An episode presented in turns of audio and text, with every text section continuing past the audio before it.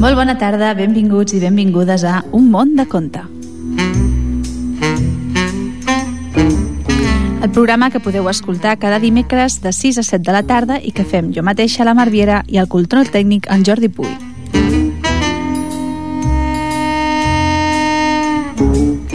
Sabeu que estem al 91.3 de la FM a Ripollet Ràdio i que si no ens podeu escoltar els dissabtes teniu, ai, perdó, els dimecres teniu una segona oportunitat els dissabtes, ara sí, de 5 a 6 de la tarda o, si no, picant www.ripolletradio.cat i descarregant-vos el podcast.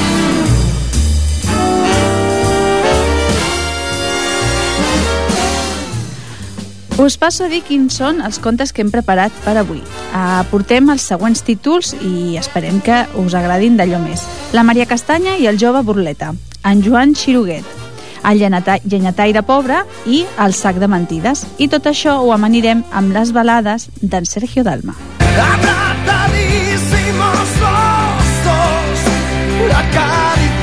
en Sergio Dalma o en Josep Capdevila, que és com en realitat es diu, aquest cantant de Sabadell, doncs que bueno, ja fa uns anys que està en això del món de la música i que no deixa de sorprendre'ns. Avui estarà aquí amb nosaltres a l'Un món de conte. Vamos a probar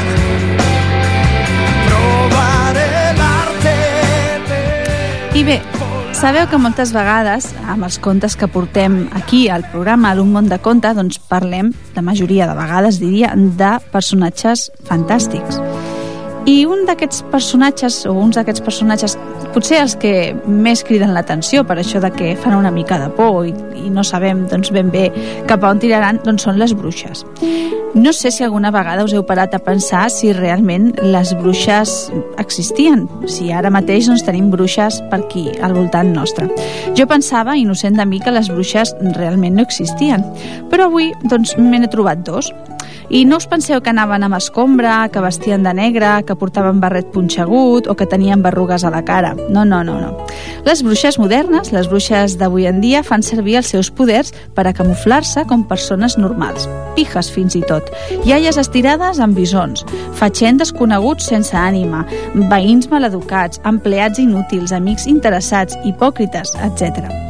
Però encara que semblin normals aquestes bruixes, es dediquen, com les dels contes, a perpetrar mals i estan plenes d'odi, malvolença, rancor, hostilitat, tírria, mala voluntat i perversitat.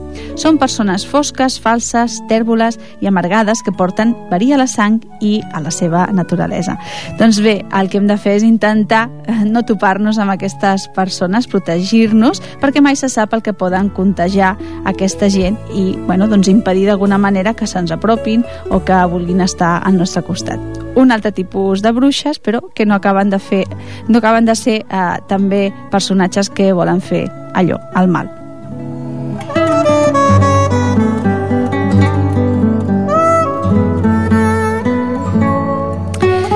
Bé, començarem amb els contes que portem preparats avui. I us deia el primer títol, La Maria Castanya i el jove Burleta, perquè realment d'on he extret aquests contes d'avui és del llibre Maria Castanya, tots els seus contes, que com sempre doncs, podeu trobar a la Biblioteca de Ripollet. Aquest primer, La Maria Castanya i el jove Burleta, diu així. Fa moltíssims anys, en un país molt llunyà, vivien tres germanes a la mateixa casa – a la més gran l'anomenaven Maria Bruna, perquè tenia els cabells foscos com les prunes negres. A la mitjana, Maria Rosa, perquè tenia els cabells daurats com el blat madur. I a la petita, Maria Castanya, perquè tenia els cabells del color de les castanyes. A totes tres els agradava molt l'alfàbrega, perquè feia molt bona olor i espantava les mosques. Per tant, en tenien una mata frondosa a prop de la finestra i la regaven cada dia. No gaire lluny de casa seva vivia un jove ric, consentit i capriciós, que per divertir-se tractava les noies de beneites fent-los preguntes que no tenien resposta. Un bon dia, quan el jove tornava de banyar-se al riu, va passar per davant de la casa de les germanes i la casualitat va voler que en aquell mateix moment la germana gran sortís a regalar el fàbrega. El noi, pensant que es, que es riuria una mica d'ella, li va preguntar «Noieta Bruna, què regues l'alfàbrega? Quantes fulles té la mata?» Ella no va saber què contestar-li i va entrar dins de casa molt avergonyida, mentre el jove es cargolava de riure. Uns quants dies després, quan el noi tornava del mercat, va passar una altra vegada per davant de la casa de les germanes i la casualitat de voler que en aquell moment la mitjana sortís a regar l'alfàbrega. Llavors el jove, per riure's també d'ella, li va preguntar «Noieta Rosa, que regues l'alfàbrega, quantes fulles té la mata?» La germana mitjana tampoc no va saber respondre-li. Per tant, va entrar dins de casa morta de vergonya, mentre el jove es cargolava de riure. Poc després, una tarda, en tornar de l'escola, el jove novament va passar per davant de la casa i una altra vegada la casualitat va voler que just en aquell mateix moment la germana petita sortís a regar. El jove es va posar a riure tan bon punt la va veure, perquè va pensar que li faria la mateixa pregunta. Noieta castanya, carregues l'alfàbrega, quantes fulles té la mata? I ella, que era molt eixerida, li va contestar Noi aventurer, que saps quantes estrelles hi ha al cel, potser? El jove es va quedar sense paraules perquè no sabia què contestar i, vermell de vergonya, se'n va anar amb la cua entre les cames.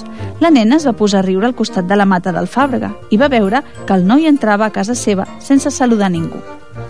Tant de greu li va saber al noi no haver pogut contestar la pregunta que no va parar de pensar de quina manera es podia prendre la revenja, fins que se li va acudir un bon estratagema.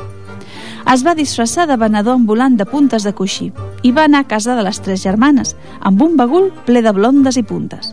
Les noies grans no en volien comprar, però la petita, després de molt remenar, va escollir una punta fina per als punys de la seva camisa i va preguntar «Quan val aquesta punta, venedor?»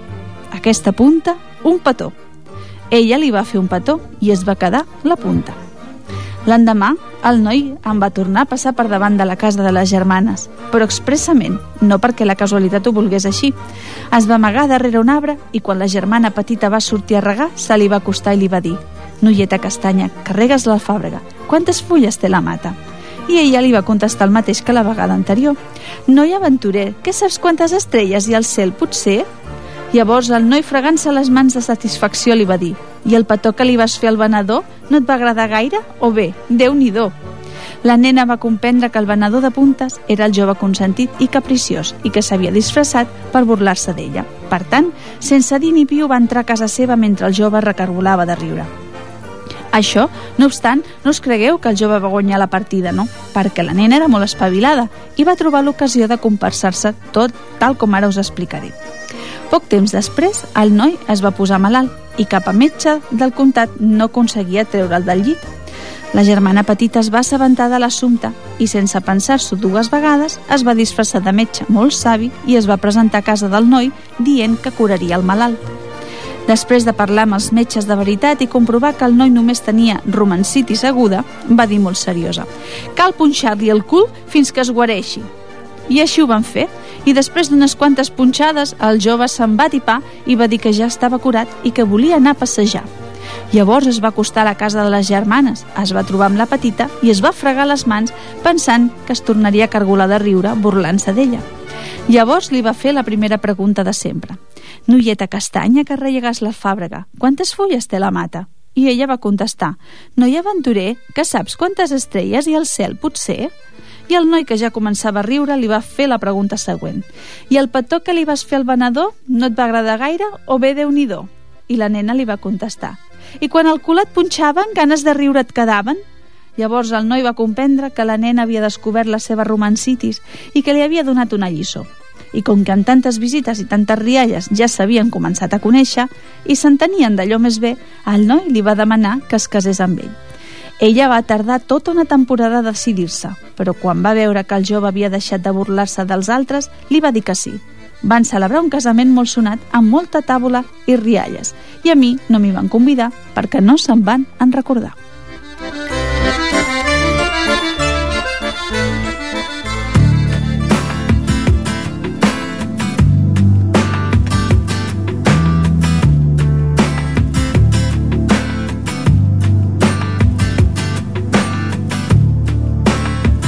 Pienso que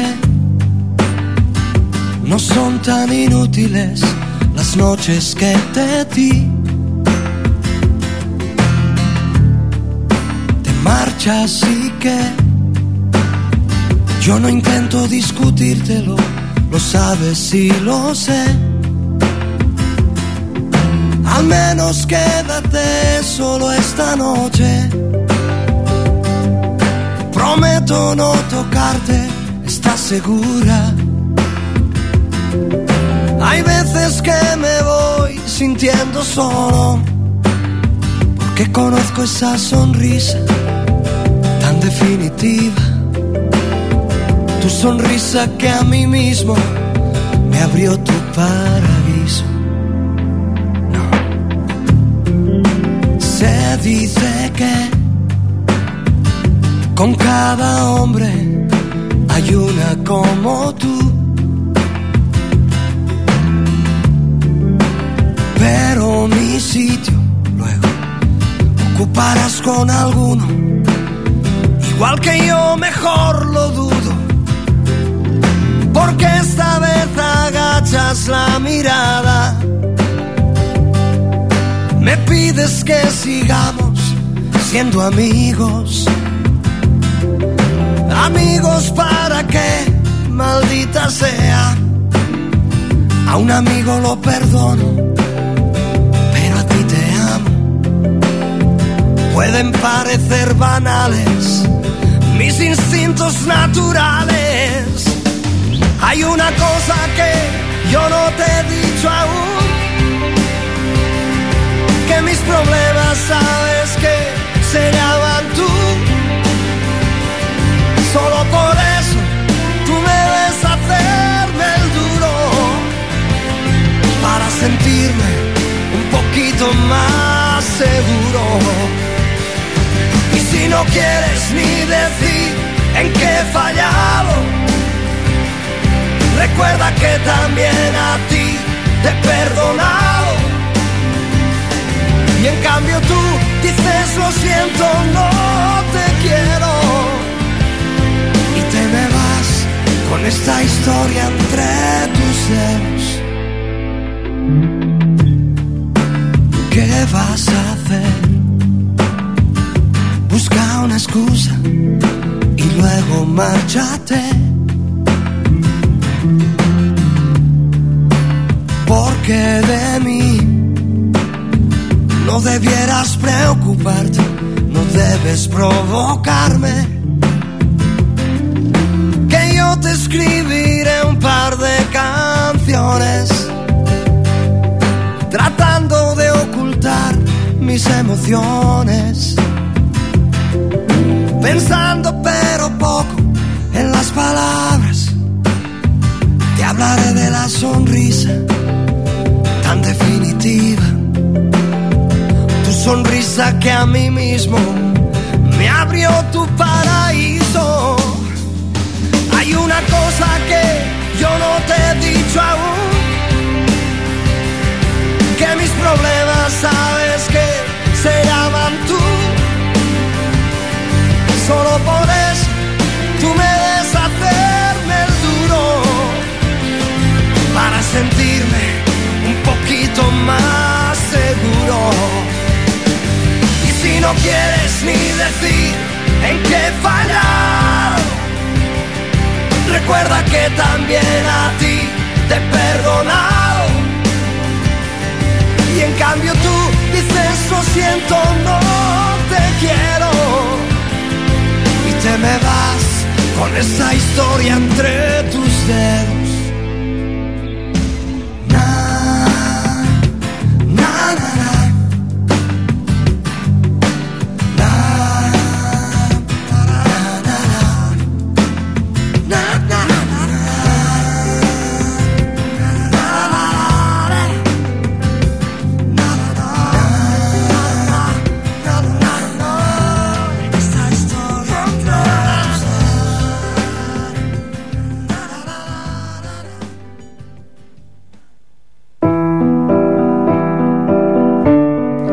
Doncs bé, aquest era el tema Mi història entre tus dedos de Sergio Dalma i la següent història que explicarem és la que es titula En Joan Xiruguet.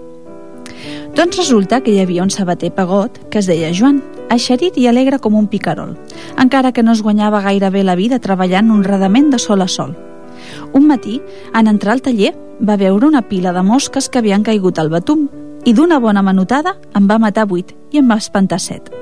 Carambola! va exclamar en Joan. N'he matat vuit i n'he espantat set. Doncs ara ja sé què faré per canviar la meva sort.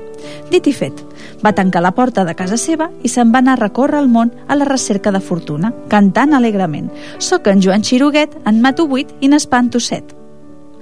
Va passar per molts pobles, llogarrets i ciutats i tothom s'admirava en sentir-lo i el saludaven amb respecte perquè es pensaven que deia haver matat vuit dracs, vuit ogres o qualsevol altre ésser gran i poderós.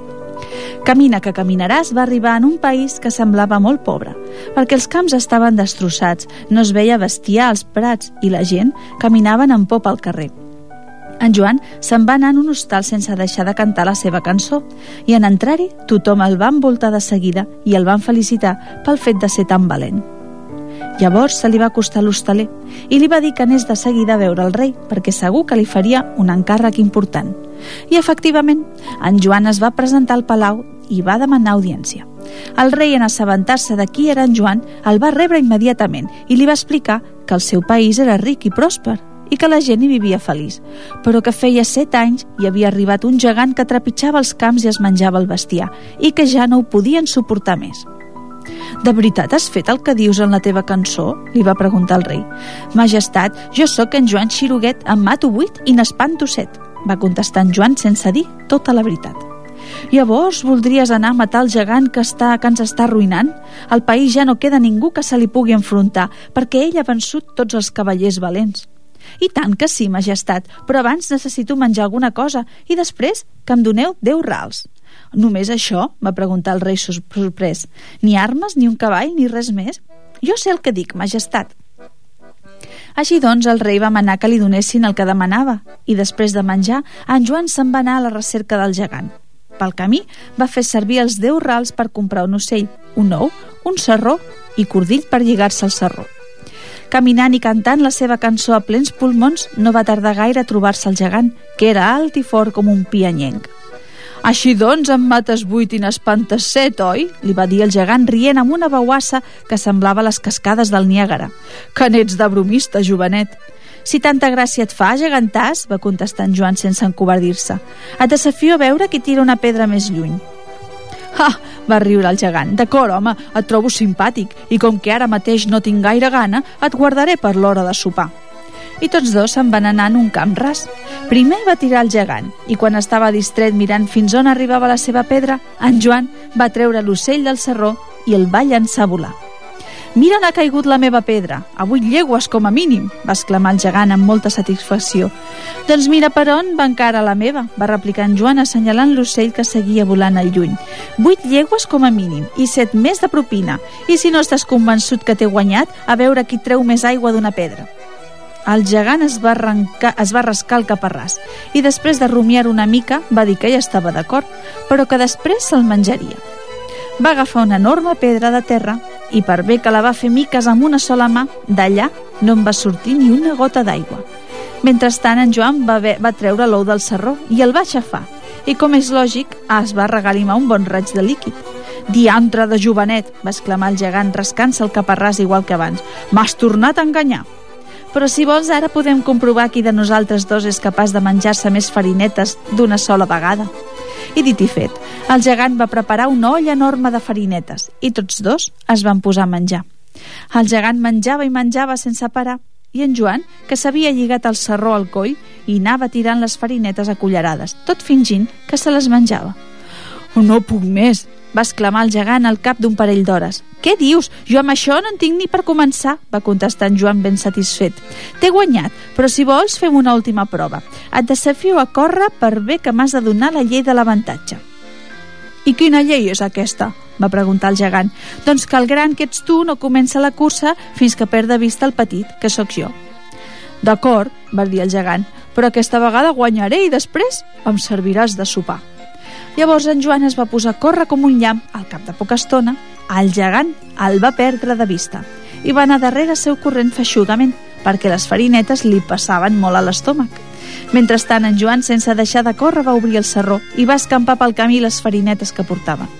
Quan el gegant va arribar on en Joan hi havia escampat les farinetes, es va pensar que el noi s'havia obert la panxa de tant córrer i com que era un beneit sense pensar-ho dues vegades, es va obrir la panxa allà mateix i va caure a terra tan llarg com era.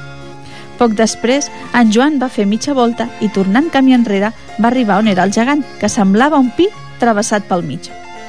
De camí li, van, li va treure les botes, el cinturó, per tal de donar-los al rei com a prova, i se'n va anar al palau. Majestat, va dir en Joan, podeu manar que vagin a recollir el gegant, amb, el gegant amb un carro i deu mules. Estat travessat al mig del camí i jo l'he vençut. Aquí en teniu la prova. Em voleu fer algun altre encàrrec? Noi, va dir el rei emocionat, des d'ara t'anomenarem honorable Joan Xiruguet. Et pots quedar i seràs tractat com un príncep. O te'n pots anar i tornar quan et sembli bé. Aquí és casa teva. Gràcies, majestat. Ara com ara prefereixo seguir recorrent el món, però potser un dia tornaré.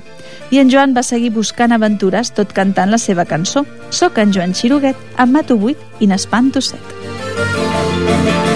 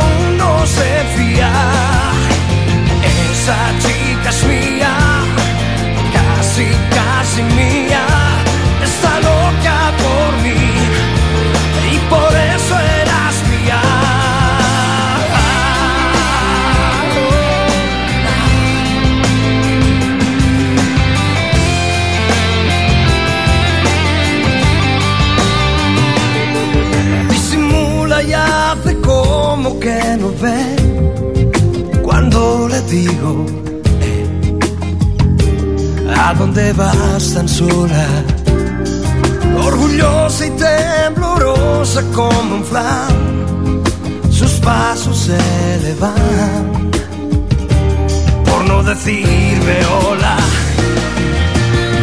esa chica es mía casi, casi mía, está loca por mí, sé fiar. Esa chica es mía, casi, casi mía, está loca por mí,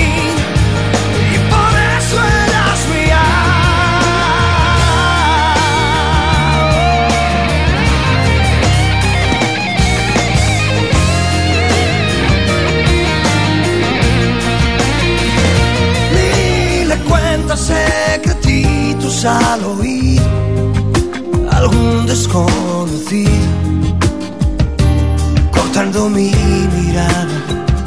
Pero luego, cuando vuelves sola a casa, seguro que me besa abrazada a la almohada. No, esa chica es mía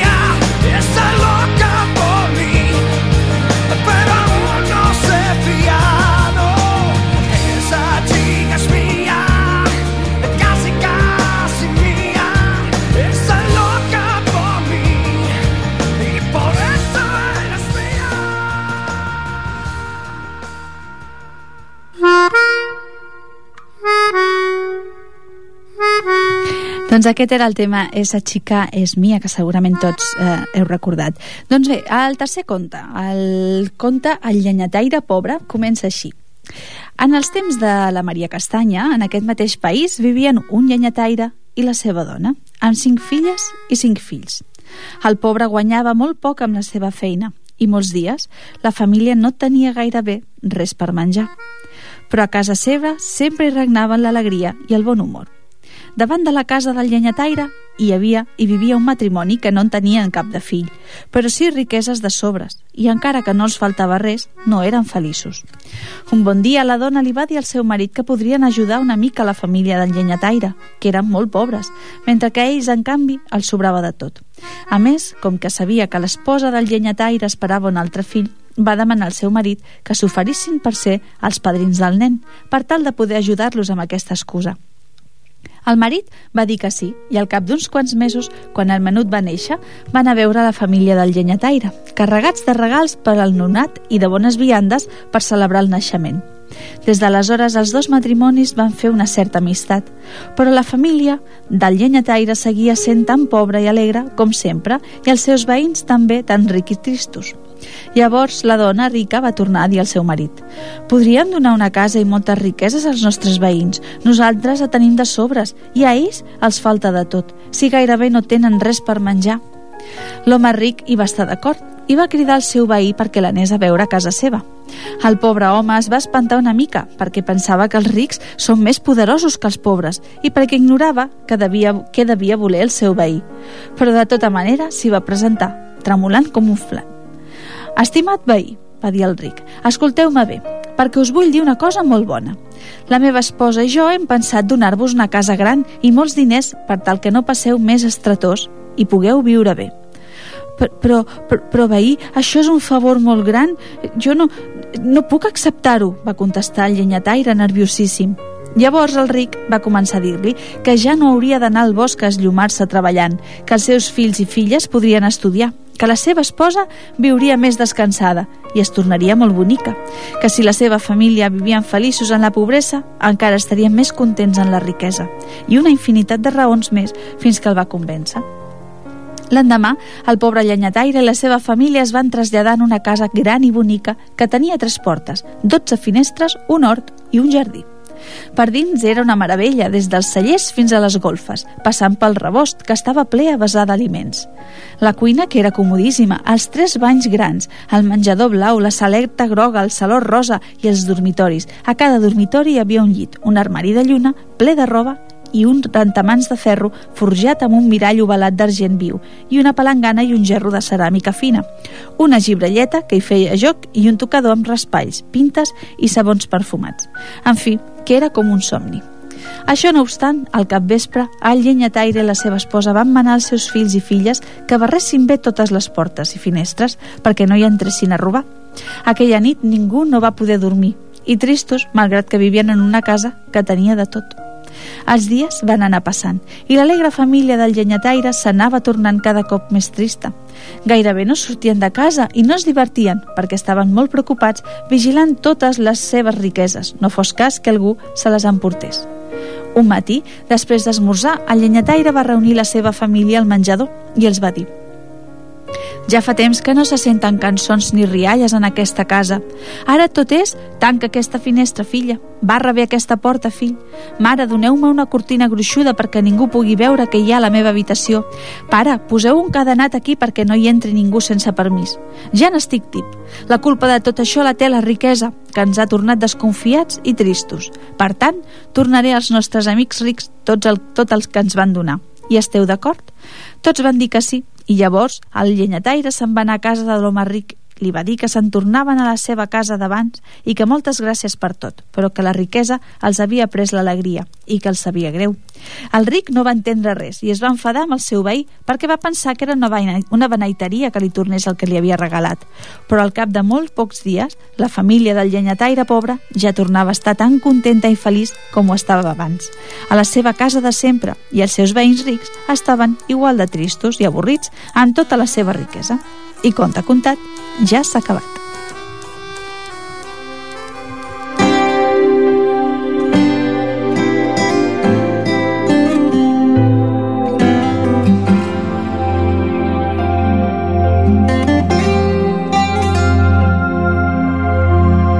Bailar de lejos no es bailar.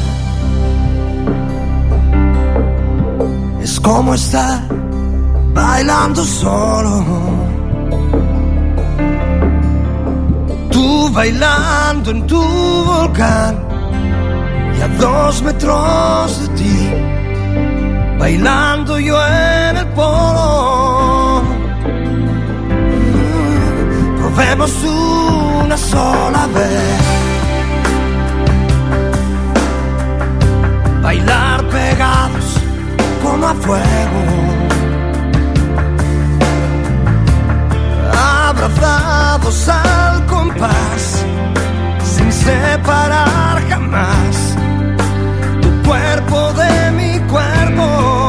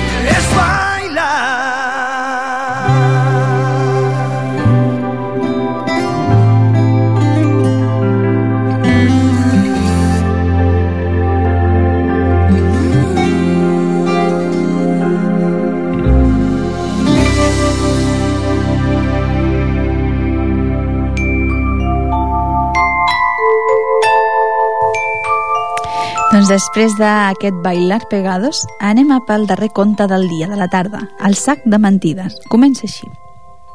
Hi havia una vegada, en un regne situat als últims confins del món, un rei que tenia una filla que estimava molt i a qui, com que no podia prestar-li gaire atenció, consentia tots els capricis. Un dia, la princesa es va posar malalta i el rei va cridar tots els metges de la cort. Però cap d'ells no va aconseguir de guarir-la. Finalment va arribar un vellet molt savi i va dir que la princesa es curaria si es menjava una compota de pera d'una perera màgica. Però a la cort ningú no sabia on hi havia una perera màgica. Per tant, el rei va enviar els seus pregoners a anunciar per tot el regne que concediria la mà de la seva filla a qui li portés les peres màgiques. En aquell mateix país, però a moltes llegües de la cort de la rei, del rei hi vivia un humil pastor que es guanyava la vida cuidant a la muntanya les ovelles dels seus veïns. Un dia, de bon matí, quan va arribar als prats on solia anar amb els ramats, va veure un arbre que el dia d'abans no hi era.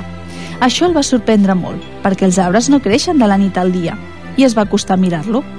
Llavors va veure que era una perera molt singular, ja que el tronc i les branques semblaven de nacre, les fulles de maraperla, i les tres úniques peres que li penjaven de les branques semblaven tres enormes perles blanques que brillaven suaument com si tinguessin llum pròpia. En veure aquella meravella, es va recordar del banc del rei. Va pensar que potser havia trobat les famoses peres màgiques, que ningú sabia on eren, i les va agafar de l'arbre. Així doncs, a la tarda va guardar les ovelles a les cledes, va tornar a casa molt content i va lliurar les tres peres al seu fill, tot dient-li que les portés al palau del rei, per si de cas podien curar la princesa. El noi se'n va anar cap a la cort molt il·lusionat perquè podria veure la princesa, de la qual es deia que era bonica com el camp a la primavera. Quan hi va arribar se'n va anar directament al palau i va ensenyar les peres als sentinelles de la porta. Ells el van conduir immediatament davant del rei i aquella mateixa tarda la princesa es va menjar la compota de peres i es va curar. L'endemà la princesa va anar a donar-li les gràcies al noi, però en veure que no era ni un príncep ni un cavaller, li va dir al seu pare, amb la veu amanyegadora, que no es volia casar amb ell. El rei, per tal de comprar-la, va pensar ràpidament com podria deslliurar-la del compromís.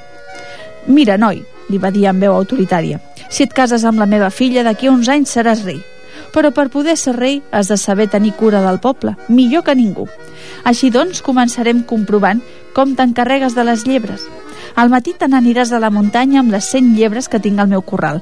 Tornaràs a la tarda sense que te'n falti cap i faràs això tres dies seguits.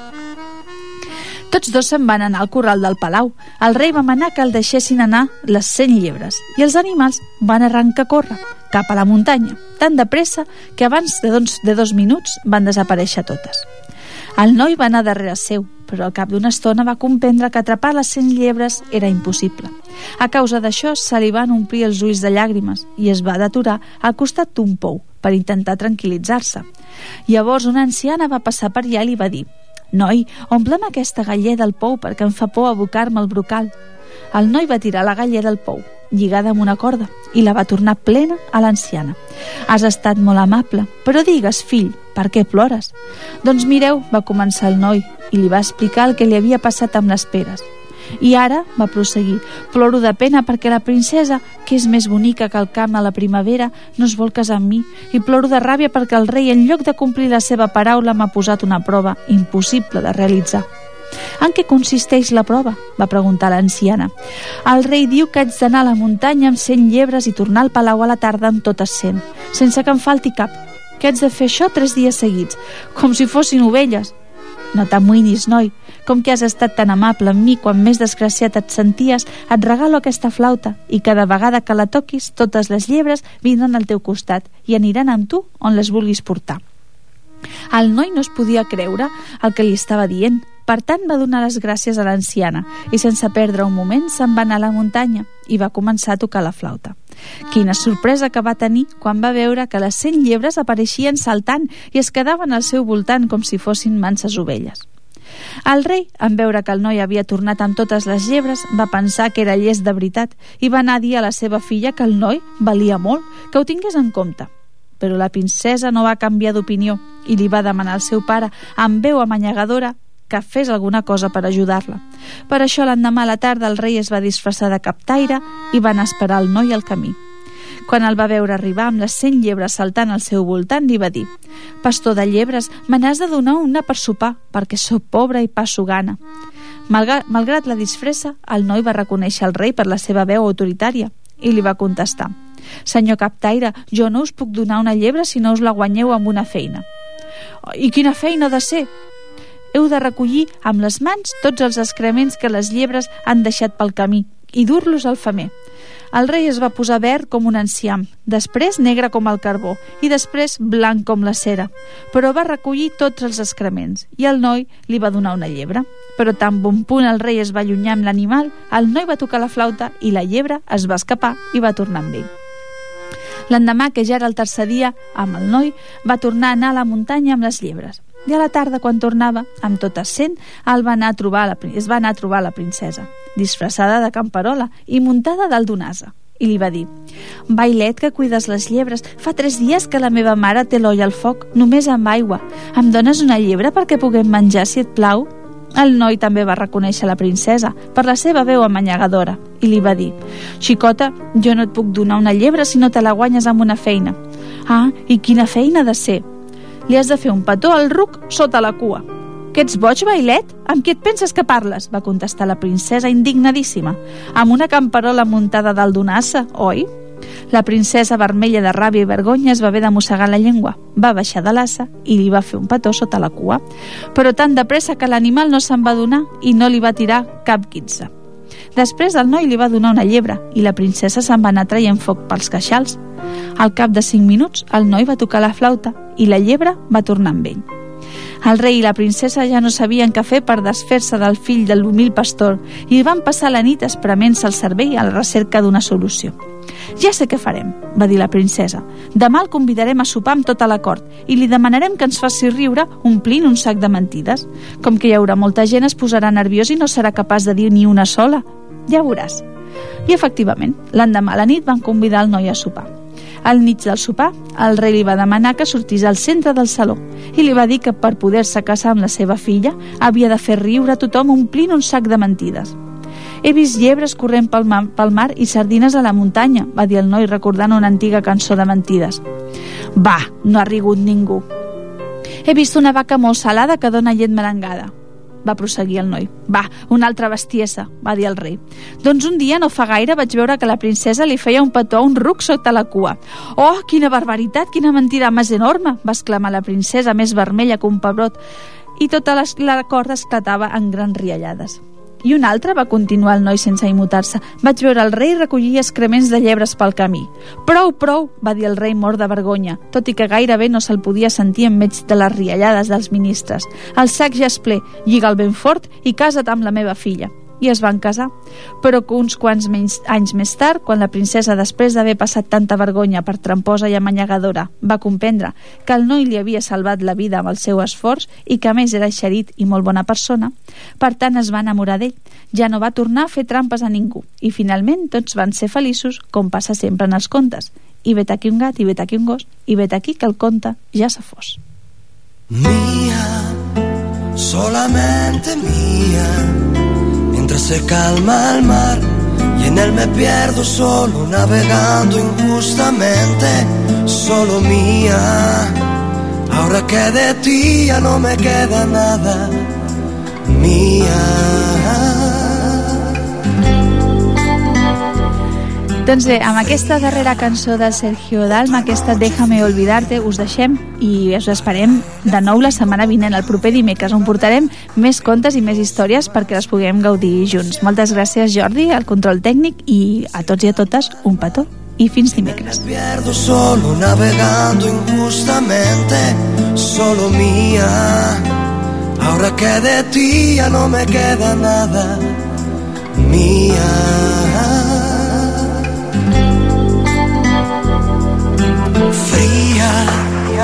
Otra noche fría. Para ella fui como una lluvia en primavera, me olvidó sin más, aún la siento mía como el aire, como la brisa suave de su boca al rozarme mía. Qué pena que no tengas alma, que por dentro ni te duela solo creas que me invento el daño para tenerte. Si me falta el aire, si tu amor fue mi veneno para condenarme,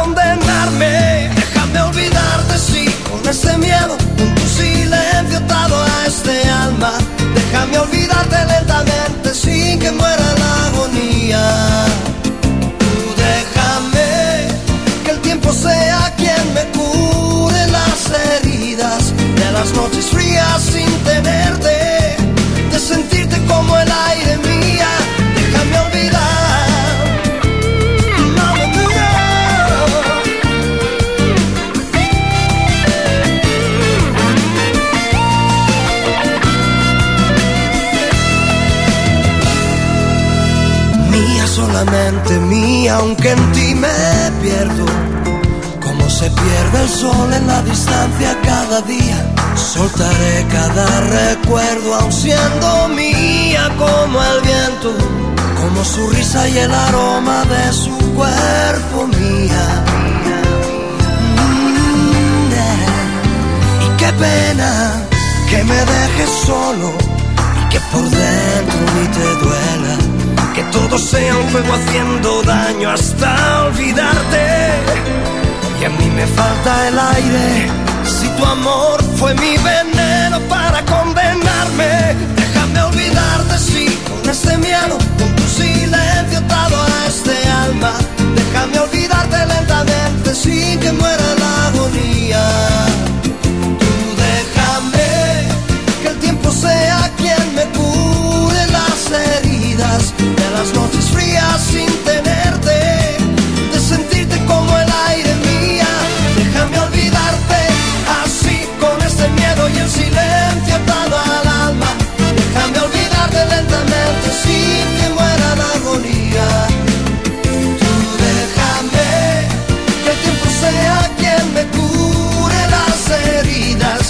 Our soft is free, I've seen